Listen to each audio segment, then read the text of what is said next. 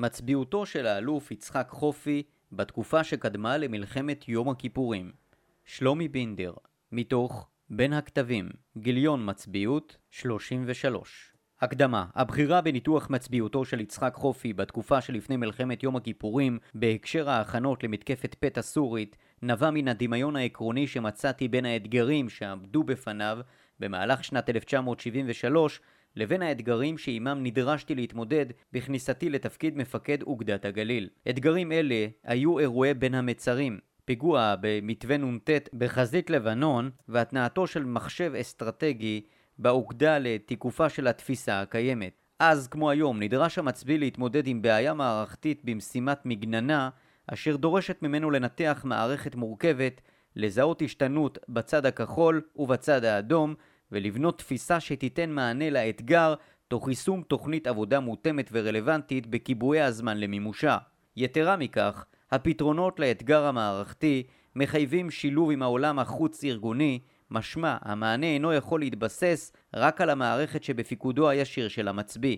למידת תפקודו של חופי בתחום זה נראתה רלוונטית לימינו לא רק עקב אופי האתגר המקצועי, אלא גם עקב הצורך לחבר שותפים מגורמי הצבא השונים בהיעדר סמכות פיקודית ולרתום עמיתים וממונים להכרה בבעיה המערכתית ולמתן מענה לה. רקע האלוף חופי התמודד עם הכנת פיקוד הצפון לחירום ולמלחמה בחזית הסורית. ההיערכות בזירה הצפונית עמדה במתח מול השקעת משאבי צה"ל בחזית הדרומית כנגד הצבא המצרי, שנחשב כחזק וכמאיים יותר. הנחת העבודה הצה"לית הרווחת הייתה שלא תתבצע התקפת פתע של צבאות ערב ללא קבלת התראה על כך, ולפיכך הונחו הנחות יסוד מגבילות ביותר בתפיסת ההפעלה של צה"ל באותם ימים. האלוף חופי זיהה את ההסד בתפיסה הצה"לית כבר בתחילת 1973 ונאלץ להתמודד עם האתגר של השתנות פנימית בפיקוד, כולל שלו עצמו ורתימת גופי המטכ"ל לתרחיש ייחוס שנדמה היה כדמיוני.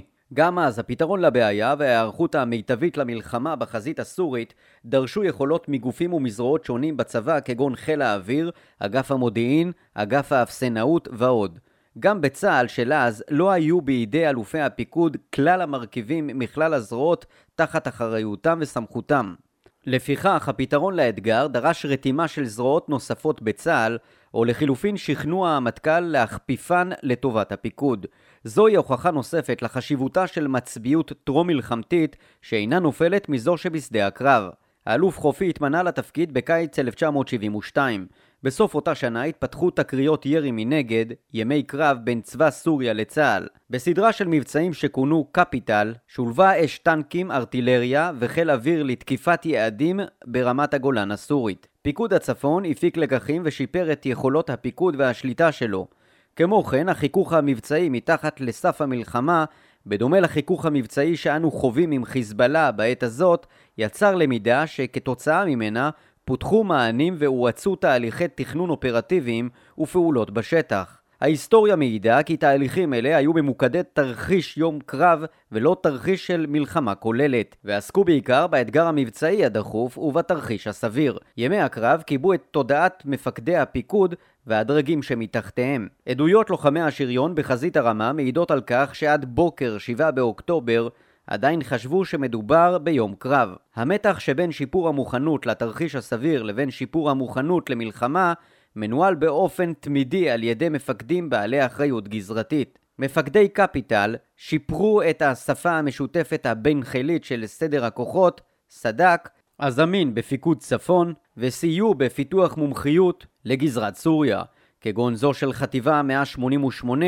ויחידות מילואים נוספות. מינואר ועד אפריל שקט הגבול עם סוריה, ייתכן שכתוצאה מהתכוננותה למערכה עם ישראל. מאפריל ועד אוגוסט 1973 הועלתה כוננות כחול לבן בשל התרבות הידיעות על תכונה למלחמה במצרים ובסוריה. האלוף חופי זיהה את ההזדמנות ובמהלך הכוננות הואצו תהליכי בניין הכוח וקיבלו קשב ומשאבים מטכ"ליים.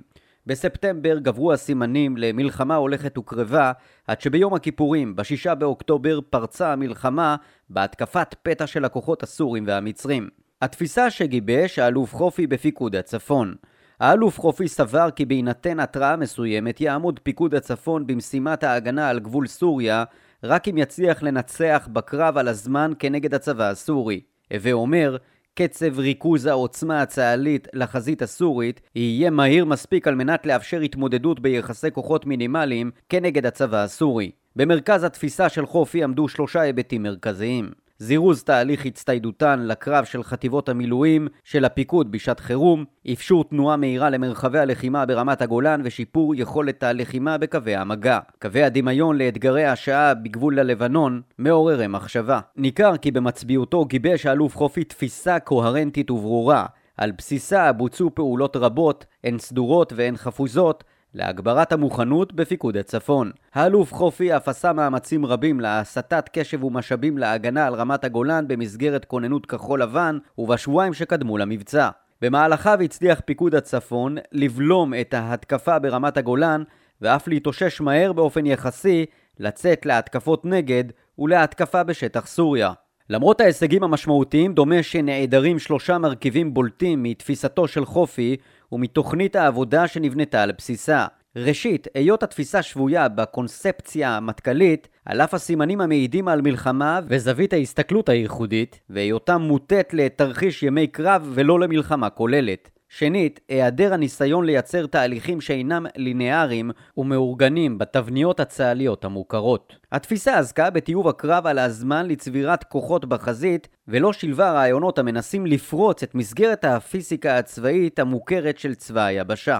שלישית, המענים שניתנו בולטים בהיותם פתרונות מבית, החל מארגון הסד"כ בפיקוד הצפון וכלה בביצוע פעולות שהפיקוד ידע לעשות כמעט לבדו בעזרת יחידותיו ואגפיו, למעט העברת הימ"חים למזרח הגליל שדרשה הנחיה מטכ"לית ושיתוף פעולה עם אג"א. ייתכן שעניין זה קשור ברמת השילוביות הבין-זרועית הנמוכה של צה"ל בתחילת שנות ה-70.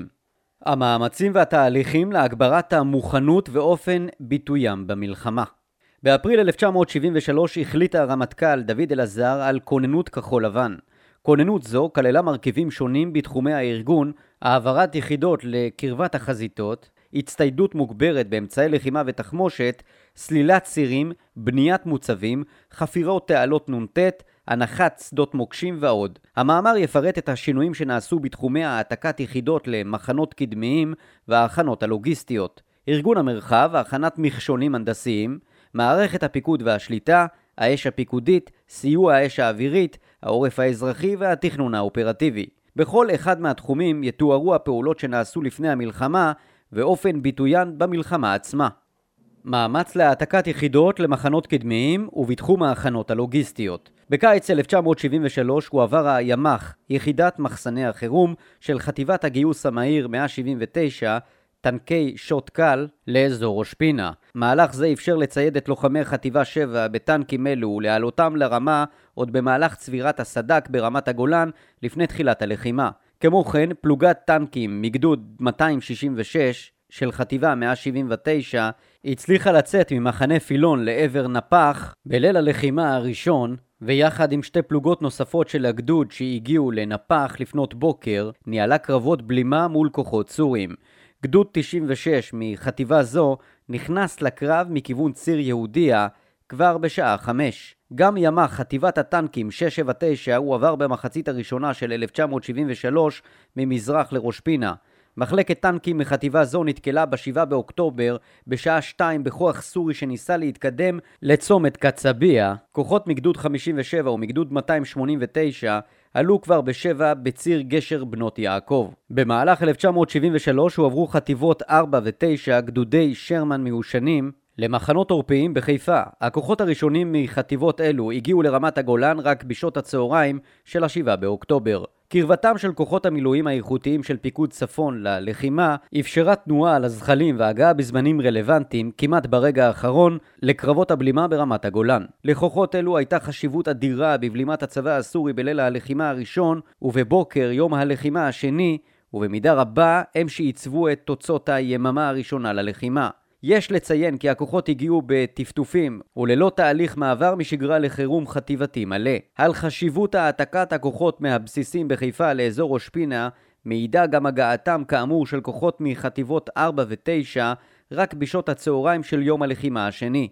הישג מרשים כשלעצמו, אך בעל משמעות קטנה יותר, בקרבות הבלימה הקשים של השעות הראשונות למלחמה. תחמושת הטנקים הועברה ממחסנים בעורף למחסני חירום קדמיים של החטיבות. בעקבות דילוג זה, בחלק ממחסני החירום לא היו משטחים לתחמושת, או שלא היו די מקומות לאחסנת התחמושת עבור כל היחידות. תוכננו חוות תחמושת בקרבת מחסני החירום, אך הן לא הספיקו להיבנות עד למלחמה. מצבורי התחמושת שהוכנו בלב רמת הגולן שירתו היטב את הכוחות הלוחמים ביום הראשון של המלחמה. בסיכומו של דבר, כוחות המילואים שקדמו למרחב ראש פינה נכנסו ללחימה תוך 12 שעות מרגע גיוסם.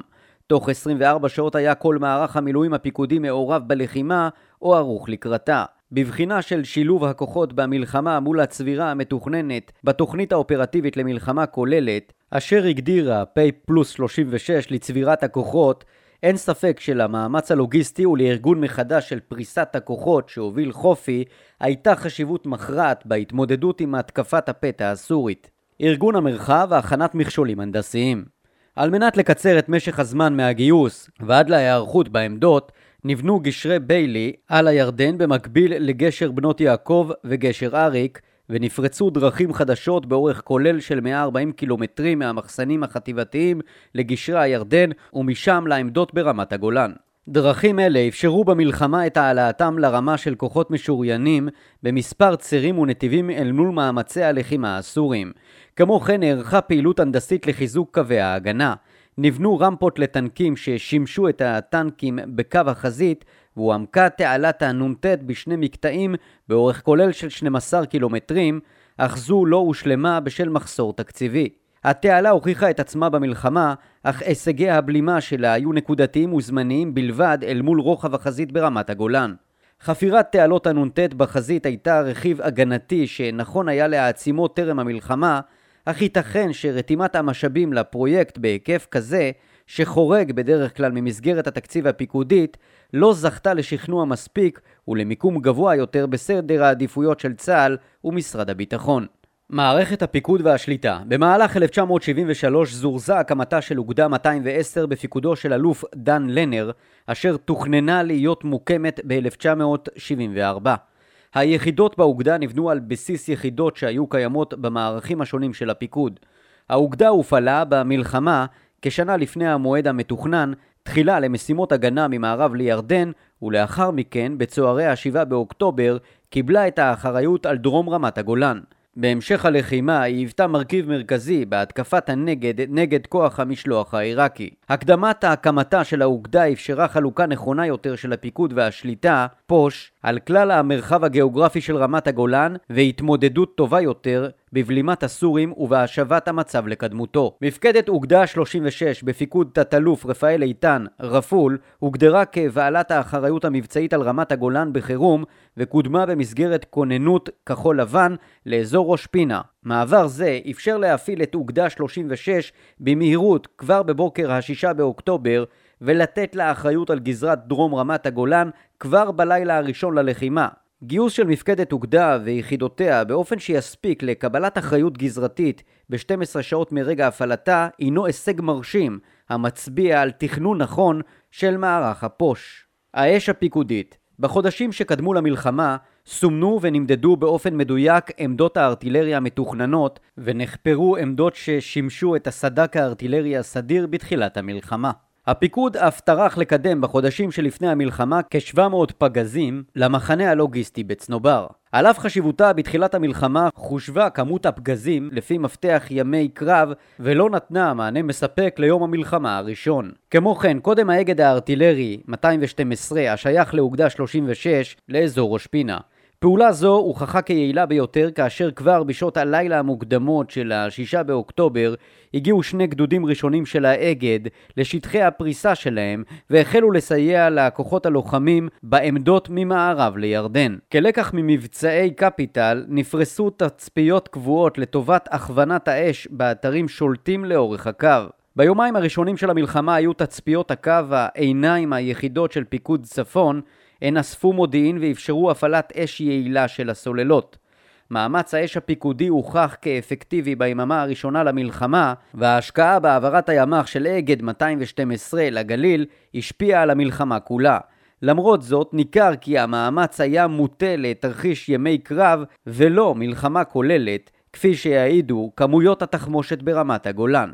סיוע האש האווירית היעדר העומק ברמת הגולן והעדיפות הסורית בארטילריה, בכמות ובעוצמה, חייבו סיוע משמעותי רב יותר של חיל האוויר בתוכנית המגננה מזה שתוכנן מראש ושהיה בפועל. לצורך כך נדרש היה לבנות תוכנית להתמודדות עם איום האזור מוכי הטילים, האמת ברמת הגולן הסורית. איום אשר היה מוכר והובן אך לא הופנם דיו.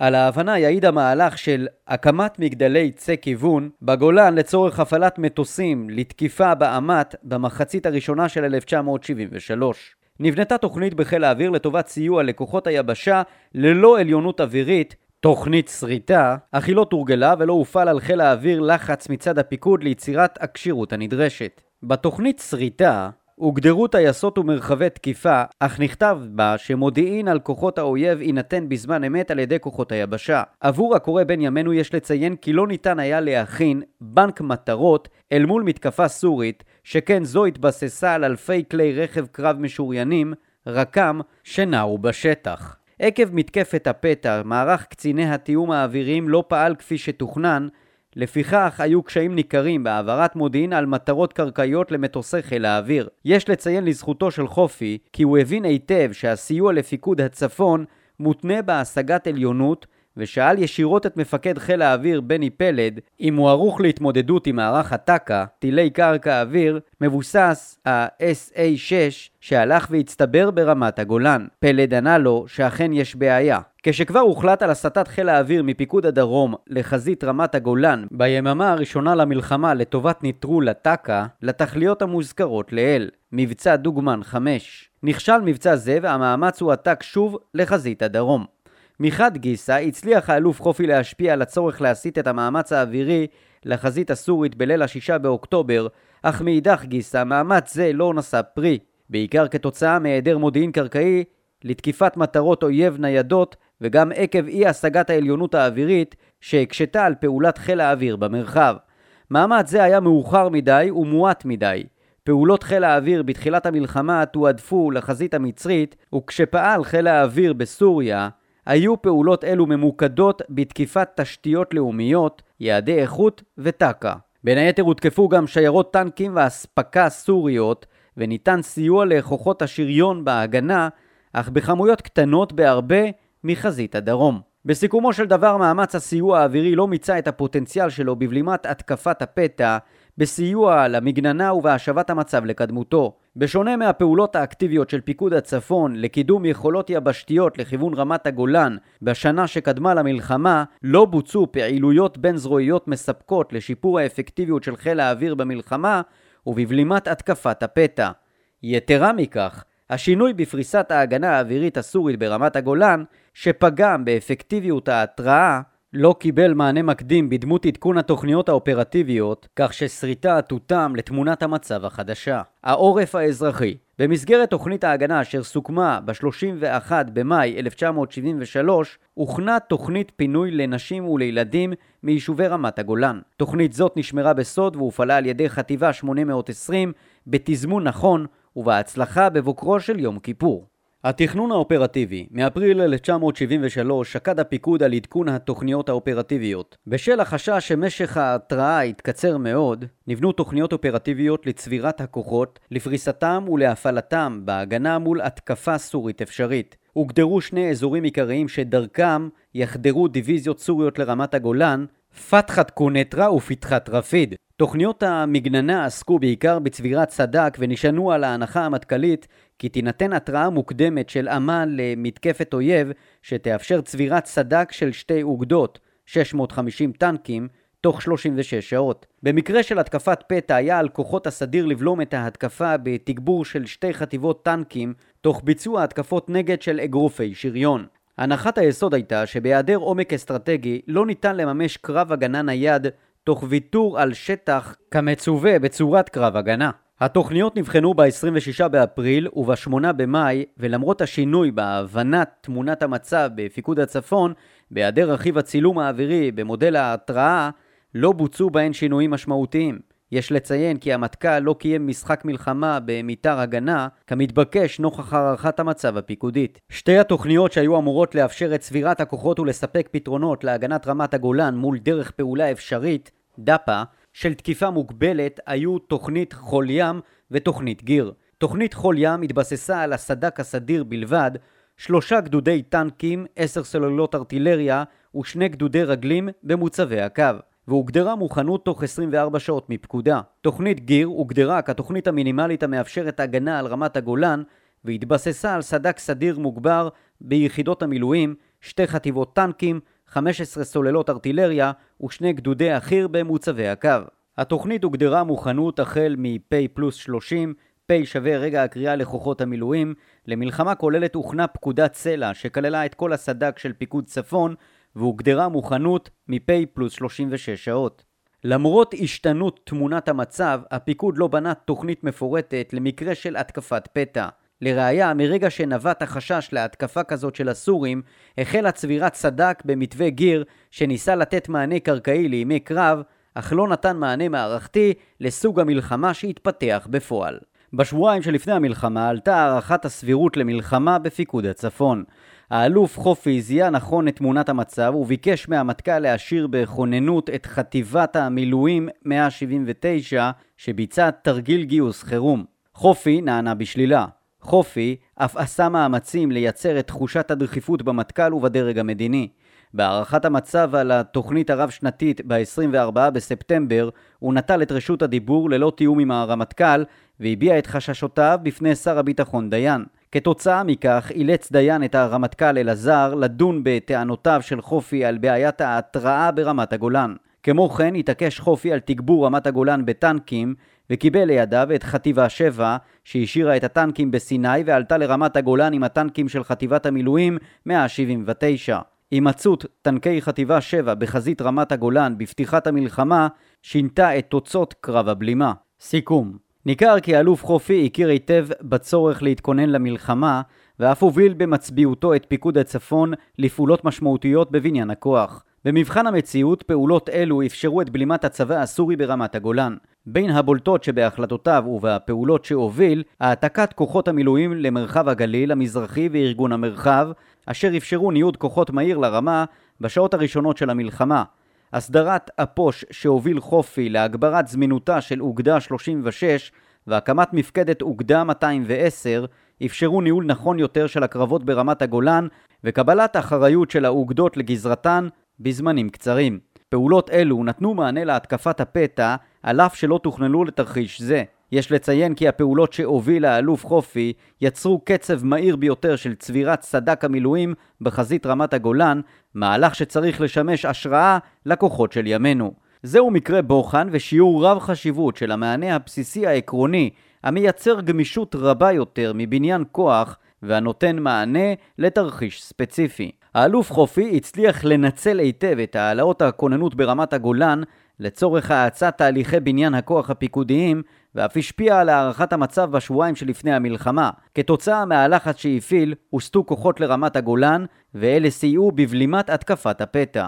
על אף ההצלחות שפורטו בתהליכי בניין הכוח, חלק מהם היו מוטים לתרחיש יום הקרב ולא לתרחיש של מלחמה כוללת כתוצאה מהחיכוך המבצעי במחצית השנייה של 1972. ניכר כי האלוף חופי היה נתון במתח שבין מתן מענה לצורך המבצעי השוטף, יום קרב, לבין מתן מענה שלם יותר למלחמה. בנוגע להיבט התפיסתי, הפעולות שאותן הוביל חופי התבססו על תפיסה שגויה שתהיה מידה מספקת של התראה למלחמה, קודם כל ברמה המטכ"לית, אך גם ברמה הפיקודית. האלוף חופי הבחין בהסט המתפתח בדמות קיצור זמן ההתראה עד להפיכתו ללא רלוונטי אל מול התוכניות הקיימות. ניתן לשער כי תובנה זו התפתחה באופן הדרגתי ובקע בשבועיים שלפני המלחמה. תעיד על כך התערבותו הבוטה מול שר הביטחון ב-24 בספטמבר.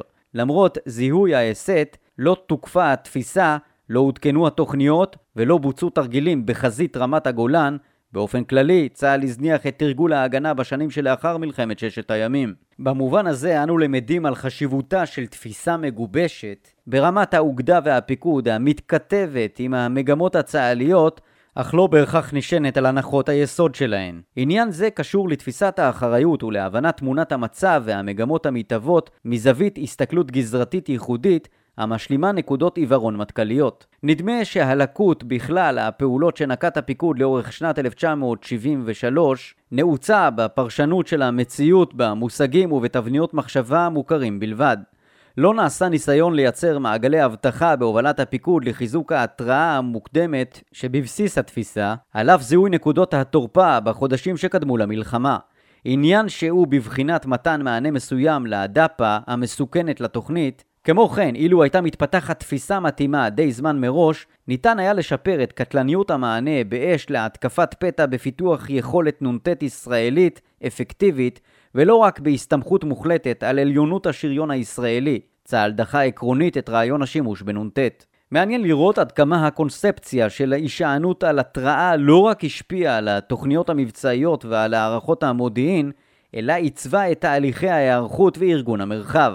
אסייג ואומר כי זוהי הסתכלות על המצב דרך עיניו של קצין בצה"ל של שנת 2020, וייתכן שהיא גורמת עוול לאלוף חופי שפעל בארגון שונה והרבה פחות משולב ברמה הבין-זרועית. חלק ניכר מהפעולות שביצע הפיקוד היו ממקורותיו בסמכותו או בפיקודו המלא. היעדר החיבור של חיל האוויר לתכנון ולבניית מענה מקדים לבעיית האמ"ט כמו גם החיכוכים עם אמ"ן והקושי בגיוס המשאבים לחפירת תעלת הנ"ט, רומזים על בעיה בבניית הבנה משותפת בין הפיקוד לבין חלק מזרועות ואגפי המטכ"ל. לסיכום, האלוף חופי השפיע באופן דרמטי על הערכת המצב וקבלת ההחלטות בשבועות שקדמו למלחמה. במצביעותו, טרם המלחמה, הצליח לייצר כלים ויכולות צבאיות לבלימת הסורים ברמת הגולן למרות ההפתעה.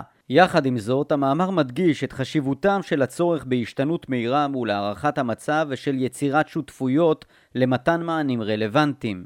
זוהי צידה משמעותית למסע לגיבוש תפיסה חדשה וליצירת המענים לאתגרים המתפתחים בגזרת אוגדת הגליל.